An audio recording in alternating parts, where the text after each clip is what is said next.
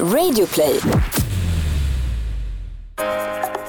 Det här är en podcast om mod och ledarskap som presenteras av Renault Tjänstebilar för att hjälpa dig som ledare att våga mer. Journalisten Kattis Ahlström som har erfarenhet både som föreläsare och ledare, möter här tio modiga personer som gått sin egen väg. I veckans avsnitt träffar vi Per Leander, generalsekreterare på Friends, som förändrade sitt ledarskap efter att han lärde känna sig själv bättre.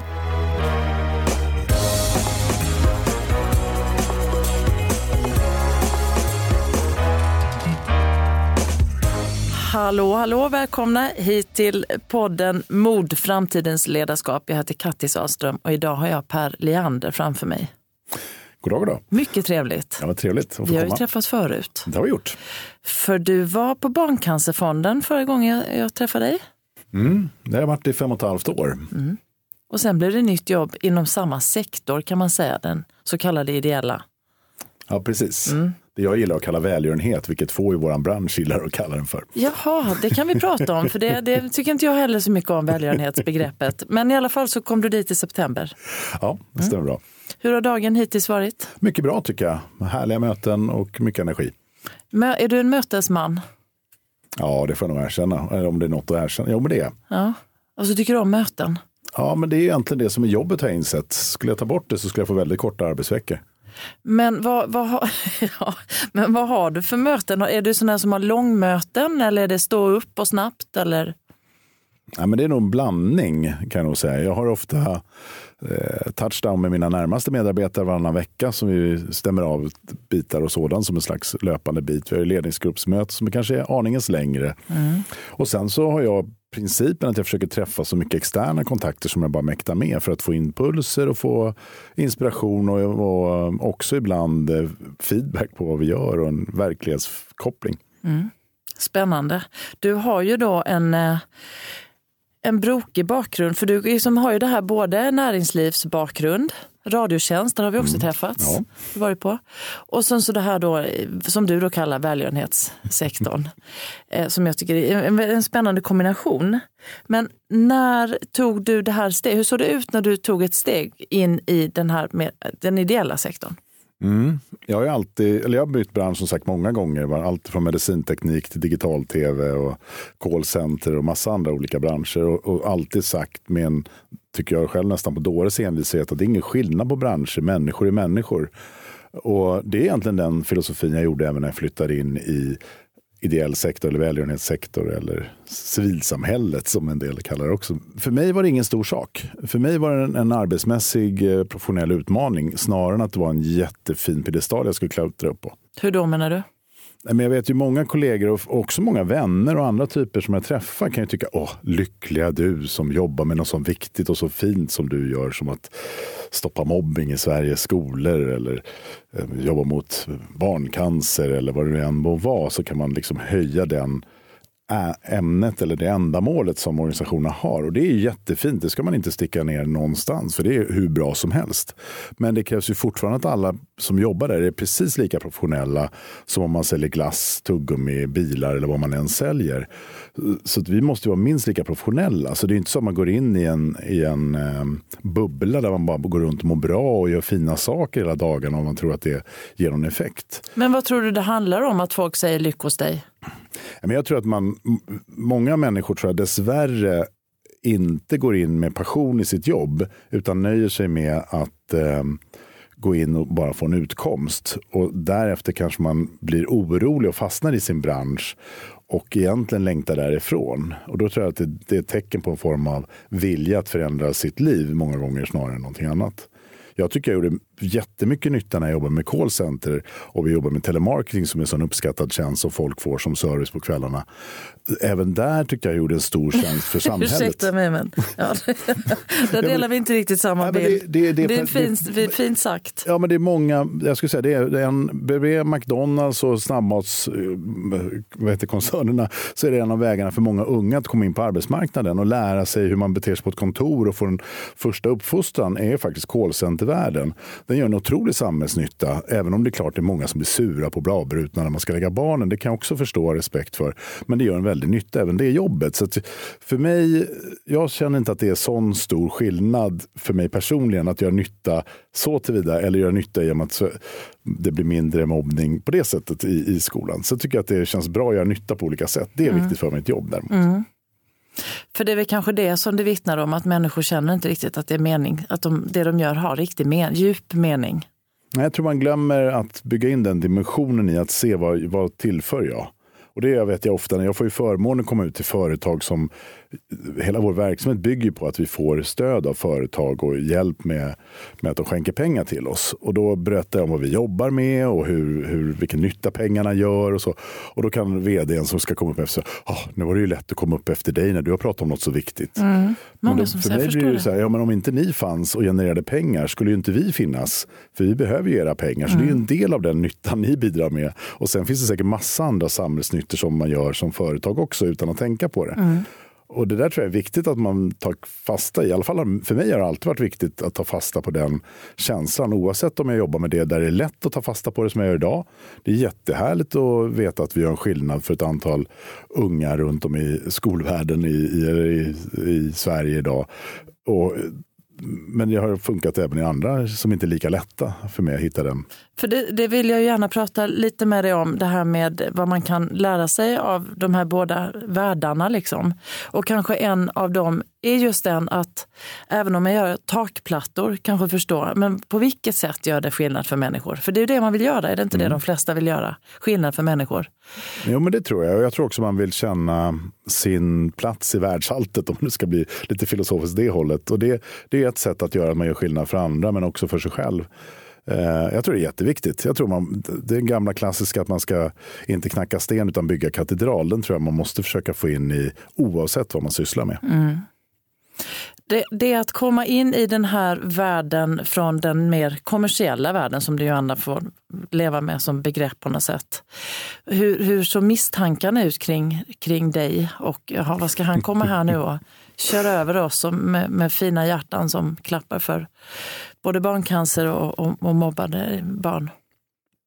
Ja, alltså, jag sa inledningsvis att jag trodde det inte var någon skillnad på någon bransch. Och det gjorde jag verkligen inte när jag klev in. Men första gången i mitt liv i alla fall upplevde jag att det var en skillnad. Ehm, jag eh, upplevde att det var en annan kultur som var starkare i den ideella sektorn än vad jag kanske hade upplevt eh, någon gång tidigare när jag bytt mellan olika branscher. Jag upplevde definitivt att jag blev kraftigt ifrågasatt i början. Ehm, och det berodde ju delvis på att jag kanske just gick in med naiv föreställning att det inte var någon skillnad och inte tänkte på, jag uttryckte mig och pratade i kanske mer resultattermer och mer i både effektivitet och lönsamhet. Och det hade jag gjort. Jag bytte ju, jag tyckte ändå jag hade gjort ett halvbyte när jag gick ifrån callcenter och telemarketing till radiotjänst, vilket för mig skulle vara de optimala motsatserna. Mm. Men när jag kom in på Barncancerfonden då var det en, väldigt mycket taggande ut för många människor. Och jag gjorde, ju inte, eller jag gjorde det lättare för dem att få ut taggarna, för jag uttryckte mig på fel sätt. Det kan jag ju se om jag sätter mig in i deras perspektiv. Så vad gjorde du då? När du märkte det motståndet? Um, jag var väl ganska tjockhudad och ganska tjockt pannben. Så jag, dels märkte jag nog inte det tillräckligt mycket förrän långt senare när jag eh, lite mer retroperspektivt insåg att eh, man såg mig som en kallhamrad kapitalist snarare än som en eh, fin eh, välgörenhetsarbetare. Mm. Eh, dels så tror jag att jag inte var helt observant när jag var mitt inne och dels så såg jag att det är så här vi måste jobba. Vi måste gå mot ett mer professionellt arbetssätt, ett mer vad ska jag säga, ändamålsenligt sätt att hantera kommunikation och insamling och hur vi kommunicerar kring våra ändamål och de bitarna. Så jag var nog ganska i viss mån trygg i och skulle man då kunna säga dryg i att jag gick på rätt bana. Så jag var ganska envis och höll fast i min tro. Mm. Eh, sen förstod jag efteråt att jag kanske var lite, eller jag var väldigt, alldeles för dålig på att vara transparent med hur jag såg vägen framåt och visa hela vägen. Jag hade nog kanske hoppat över jag brukar ibland säga, min gamla mormor brukar dra upp ibland, när jag pratade med henne ibland så fick man bara, ho ho, stoppa nu lite grann. Nu har du hoppat över 14 tankesteg här, nu är jag inte alls med dig. För hon hade liksom redan börjat prata i slutändan. Och, och jag agerar nog precis som min gamla mormor i viss mån i vårt arbete. Jag började jobba ett antal steg framåt i processen där organisationen inte alls var mogen att vara. Så din idé den finns i ditt huvud och den är långt före alla de andra. Ja, i, och, ja, och i varierande grad långt före skulle jag säga beroende på vilken miljö jag kommer in i. Ibland kanske helt i synk i vissa miljöer. Men i den här miljön var jag väldigt långt före och det hade, där hade man nog svårt att se och förstå det hoppet. Så att, eh, när jag började inse det, då fick jag ju backa och, och springa tillbaka och lägga ut lite spänger, eller spångar, vad heter det? Spänger. Ja, det kanske det heter. Svårt i plural. Hjälp över de här vattendragen som fanns på vägen fram och få med mig organisationen och fick en helt annan både förståelse och acceptans. Och I parallellt med det så hade vi också en väldigt bra resultatutveckling. Så det gjorde ju också att det var lättare för att alla att acceptera dem. Just det, för du gjorde ju häpnadsväckande eh, sifferkullerbyttor här. Eh, stämmer det 175 till 365 insamling? Ja, minst höll jag på att säga. Ja, det gör det väl. Ja, Ja, det är ju, det är ju, det är ju fantastiska siffror. ja det är det. Är Men jag, men jag är igen nyfiken på, därför att många ledare, alltså vissa saker kan ju verkligen vara svårt att ändra på om man har en ledarstil. Mm. Så vad var din största förflyttning för att närma dig medarbetarna på ett annat sätt och få med dig dem, förutom att lägga ut det vi nu kallar spänger. Jag tror det är ett helt nytt pluralord, men vi säger det. Ja. Nej, för mig, jag brukar, om man ska sammanfatta olika arbeten man har haft, som jag ska berätta min tid på Barncancerfonden, så brukar jag säga att det var nog där jag lärde känna mig själv mest. Och då kan man ju tycka, om man är vad var jag, 44 när jag började, 43 eller något sånt där, borde man ju lärt känna sig själv i den tiden och veta vem man var. Men jag har nog alltid levt i en slags bild att vi är alla lika. Det har nog varit min grundfilosofi. Och vi, vi tänker lika, vi är lika, vi fattar lika, vi gör allt lika. Alla är som du helt Alla är enkelt. Mm. som jag helt enkelt. Helt, ja, eftersom det blir min referens som är närmast av Mm. naturliga skäl. Eh, Men, men där lärde jag mig väldigt mycket. Och säga att jag är nog inte riktigt som alla andra och alla andra är nog inte riktigt som mig. Utan vi är ganska mycket individer och, och min person mm, har, passar bra i många miljöer och i vissa lägen måste jag tänka på vilka jag umgås med och hur jag beter mig och, så att mitt, det jag vill få formulerat kommer fram och tas emot. Eh, Så jag lärde mig nog jättemycket om mig själv under den här åren och det, det tror jag också gjorde att jag jag tror en kombination. Jag brukar säga att det, det är både organisationen som ändrades och självklart ändrades jag också. Ibland brukar jag säga att det är så lätt. Det var ju så lätt. Jag lärde mig skillnaden mellan män och och. Jag började säga att vi är bra, men vi kan bli bättre.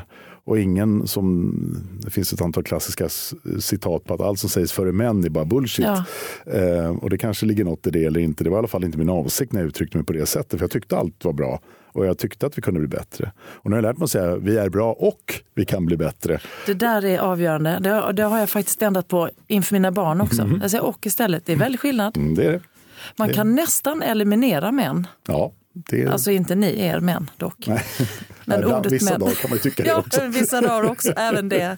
Både män och män. Men det är rätt spännande. ju Det där lilla ordet gör skillnad. Ja, men det är en enorm, alltså, ja, så är det ju. Och på ett sätt är det ju, och det här är också en del som jag tycker är spännande för just ideella sektorn, eller den, att ordens betydelse upplever jag är mycket, mycket starkare än vad de varit i andra världar jag varit i.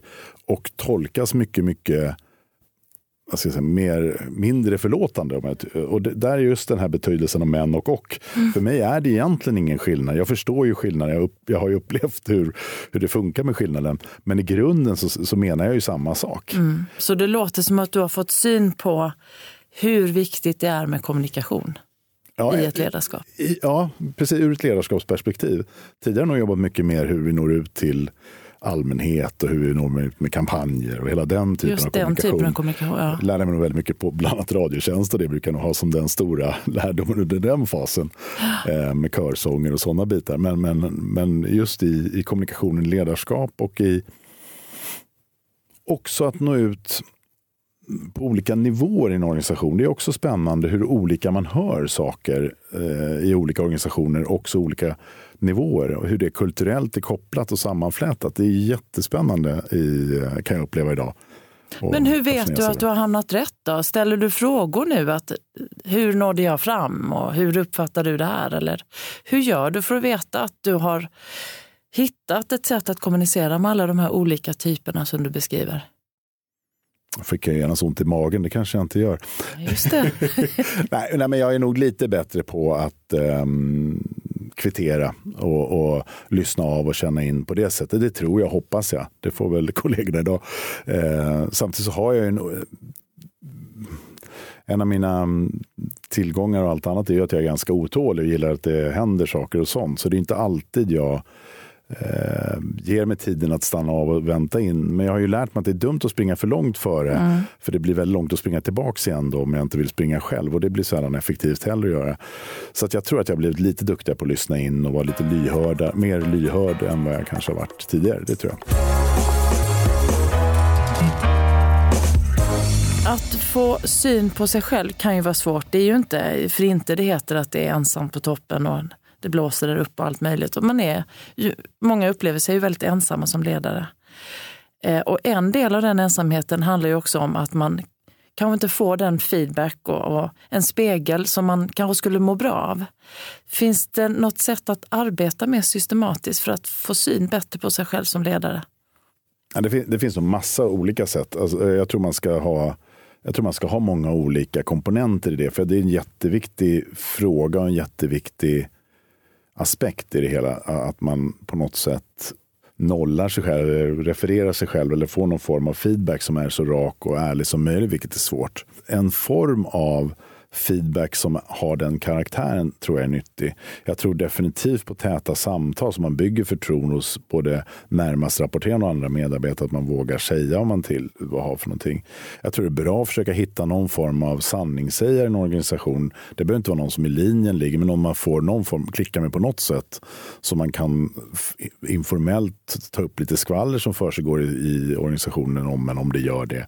Eh, och den typen tror jag också är bra. Jag tror det är bra och viktigt att ha nätverk utanför organisationen. Eh, både vänner och inte, jag har haft jättemycket, jag har jättemycket nytta av min kära fru också som på ett sätt får en att komma ner på jorden om man mm. på något, för något äventyr skulle bli lite hybrisaktig vid något tillfälle. Så, så är det jättenyttigt också. Så det, jag tror en kombination av många olika bitar.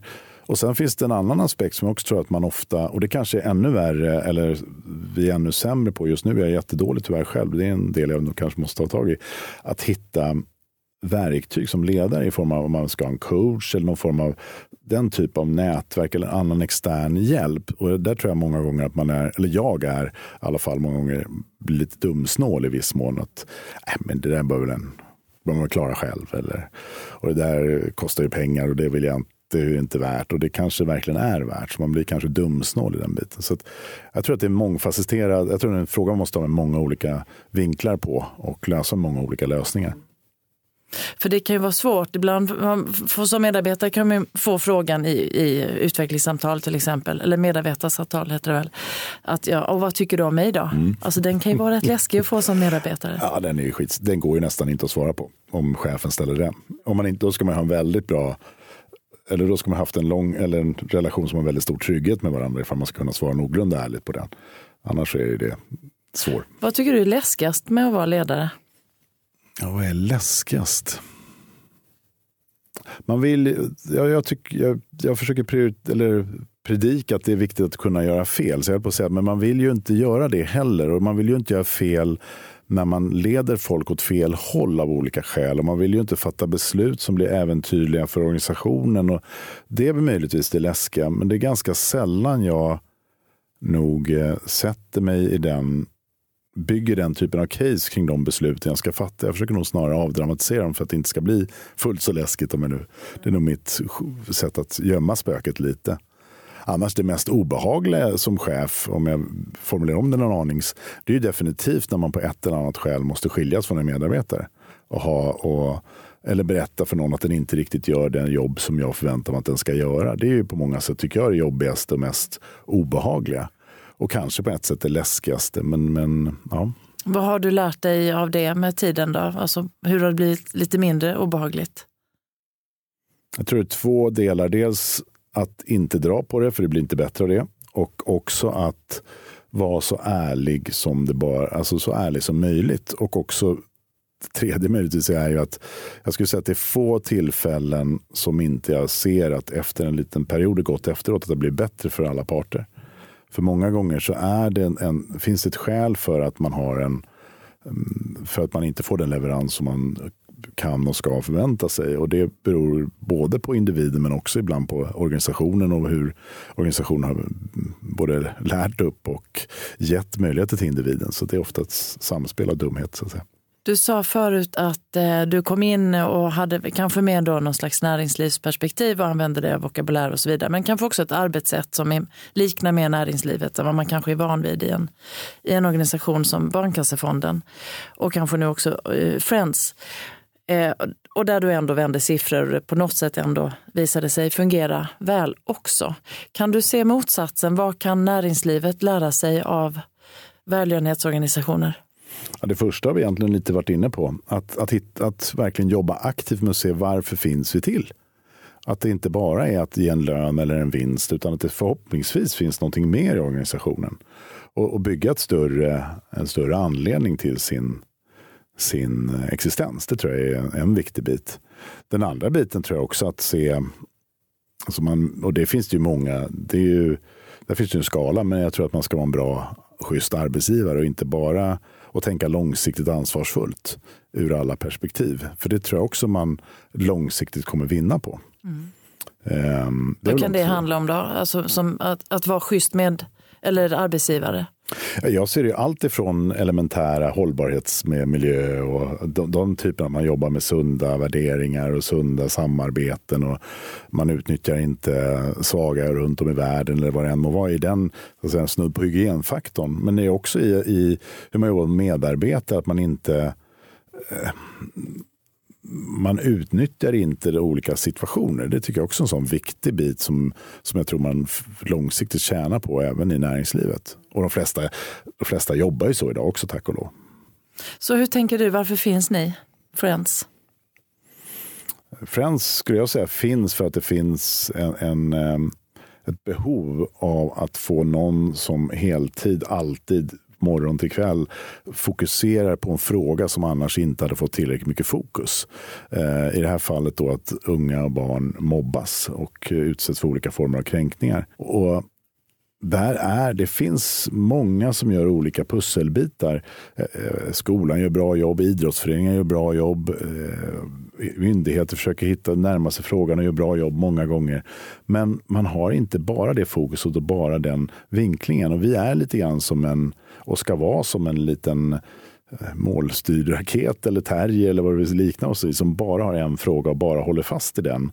Och jobbar för att få mer kunskap och hjälper till att sprida den och ger verktyg för att få verktyg att kunna lösa den frågan. Nu börjar du få ganska många års erfarenhet av att vara ledare. Händer aldrig? Jag kan ibland bli fascinerad över att det är så många som väljer att bli chefer, för det är också jobbigt. Alltså det är jättejobbigt att vara chef. Och människor är jobbiga. Alltså det är jobbigt. Ja. Tänker du inte sen när du får ett nytt uppdrag som chef igen att nej, jag orkar inte en gång till? Eller vad är det som gör att du, ja, jag tar det igen? Min pappa sa alltid det, eh, måste vara dum i huvudet om man är chef, sa han alltid. Och tyckte, förstod inte alls på det när jag strävade efter att komma i den rollen. Och tycker, men det, måste, det, det är någon form av sadomasochistisk läggning där som gör att man drar sig till att tycka att det är roligt, de här problemen. Jag tycker det är lite um, det är problem, det är jobbigt, man blir besviken ibland, man blir fascinerad, man blir upprörd. Eh, man kommer utanför den vanliga gemenskapen. Absolut, så är det. Men det finns också, eller för mig i alla fall, så finns det en tjusning i kunna påverka, kunna se förändringar, kunna bygga upp, kunna pusha, coacha, utveckla och se effekter av det och också ha de här bekymren. Det, det, det är lite grann att få ett hundratusen bitars pussel med mycket himmel på och veta att shit, det här, det här måste jag lösa. Och så blir man sugen på det istället för att få ett 25-bitars pussel med en Bamse som du vet exakt hur den ska se ut. Det blir ju inte samma utmaning. Och för mig är den här utmaningen en stor del av ledarskapet för att det är så bökigt och så jobbigt och så mycket bök som är det roliga i, i den eh, rollen tycker jag. Så jag känner nog inte eh, Nej, jag vet snarare när jag inte haft den typen av problem så har jag känt att jag bara varit halv. Då blir du uttråkad? Ja, eller inte känner att jag nytta fullt ut. Jag, alltså så, med min, eh, för mig har det nog varit den känslan. Snarare. Så du kommer fortsätta? Ta dig an nya ledaruppdrag i framtiden? Alltså, allt sånt där är färskvara. Jag kanske tycker något annat om en vecka, det vet jag inte. Men som det känns nu så kommer jag nog definitivt göra det, absolut. Väldigt spännande. Jättestort tack Per. Vill du lägga till någonting? Någon, eh, någon livsvisdom som du vill skicka med när ni sitter människor och lyssnar på dig? Nej, men jag tror det som vi inte kanske varit inne och pratat med som jag tycker är viktigt är att man ska våga våga säga rakt, alltså vara ärlig. Våga vara ärlig många gånger. Det, är så mycket, det blir så mycket lättare då. Har man ett problem med en medarbetare att, och att man vågar prata med den personen. Ibland kanske, om man, in, om man gör det kontinuerligt så, så märker man ju antingen så går det att förändra eller så går det inte att förändra och då vet man ju det. Och många gånger upplever jag när jag kommit in i en ny organisation och man pratar med någon som man vet har underlevererat jättelänge och så upplever den personen att den aldrig har hört det och aldrig fått den feedbacken och aldrig fått en chans att ändra sig. Och det är så tragiskt tycker jag om, om den nu byggs in i en slags miljö där man inte um, får en feedback som är rak. Så jag tycker det, det är väl den enda delen som jag försöker jobba efter så gott som möjligt. Är det någonting som skaver så våga prata om det. Är det kanske lätt att blanda ihop ärlighet med konflikt? För man pratar ju väldigt mycket om konflikthantering. Det är ju ganska så skrämmande ord mm. överhuvudtaget. Och då har man ju misslyckats tycker jag. Alltså, då har det gått för långt. Eh, jag brukar ta tiden under callcenter-världen som väldigt bra exempel. För där, till skillnad mot den värld jag är nu, så där mäts ju allt på millimeter och sekunder. och Allting är extremt mätt hur du jobbar. och Du har en tydlig skala. Svarar du telefon, då jobbar du. Svarar du inte telefon, jobbar du inte om det är samtal. Och så vidare. Så det går ju lätt att mäta vem som jobbar och inte. och Det är ett väldigt fyrkantigt verktyg på gott och ont. Så att säga. Men där var det också så att eh, när jag kom in i vissa sammanhang man inte gjort feedback på de som hade otroligt mycket sämre siffror än andra. Och de visste inte ens om det. Och det där är ju så sorgligt, för då, mm. då, blir det ju en konflikt. Om du efter fem år kommer in och pratar med någon som tror de har gjort ett gott jobb och inte fått någon annan feedback. Det är då smäller det ju som sagt, för då blir man ju irriterad och arg och upprörd och får massa ursäkter. Om man från dag två börjar påpeka att du kanske har lite lägre procent och du kanske måste lyfta luren lite oftare och tätare och, inte, mm. och så vidare då blir det aldrig en konflikt. Då blir det en slags coachning och utveckling istället. Så jag tror man bygger en konflikt genom att inte vara ärlig i tid. Så ska jag säga. Och jag, jag ska säga att jag har faktiskt fått en tankeställare nu efter vårt samtal och det är det här med när du pratar om de som arbetar med kol Mm. De här samtalen. Därför att jag inte, upplever mig inte som speciellt otrevlig. Men jag, jag, på något sätt så tillåter jag mig att bli en fasansfull människa när det ringer. Och det ska ja. jag faktiskt sluta med nu. Ja, ja men det är bra. För jag ska tänka att de lär sig naturligtvis. Det är ofta unga människor. Ja. Ja, tack och förlåt säger jag för alla ovänliga fruktansvärt bemötande. Det kommer ja, det nu att ändra sig. Ja. Nu kommer jag bli trevlig. Ja, vad härligt. Det är din förtjänst. Ja, tack. Lite bättre människa. Någon nytta då. Du har lyssnat på Mod, framtidens ledarskap som presenteras av Renault Tjänstebilar. Nästa vecka träffar vi Jan Eliasson, för detta vice generalsekreterare för FN. Hör om hans långa karriär, om ordets makt och alla de människor han mött på vägen.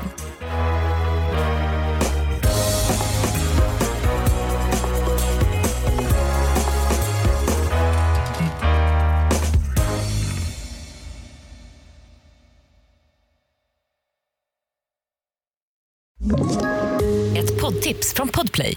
I podden Något Kaiko garanterar östgötarna Brutti och jag, Davva, dig en stor dos skratt. Där följer jag pladask för köttätandet igen. Man är lite som en jävla vampyr. Man har fått lite blodsmak och då måste man ha mer. Udda spaningar, fängslande anekdoter och en och annan arg rant. Jag måste ha mitt kaffe på morgonen för annars är jag ingen trevlig människa. Då är du ingen trevlig människa, punkt. Något Kaiko, hör du på Podplay. Därför är gardinerna.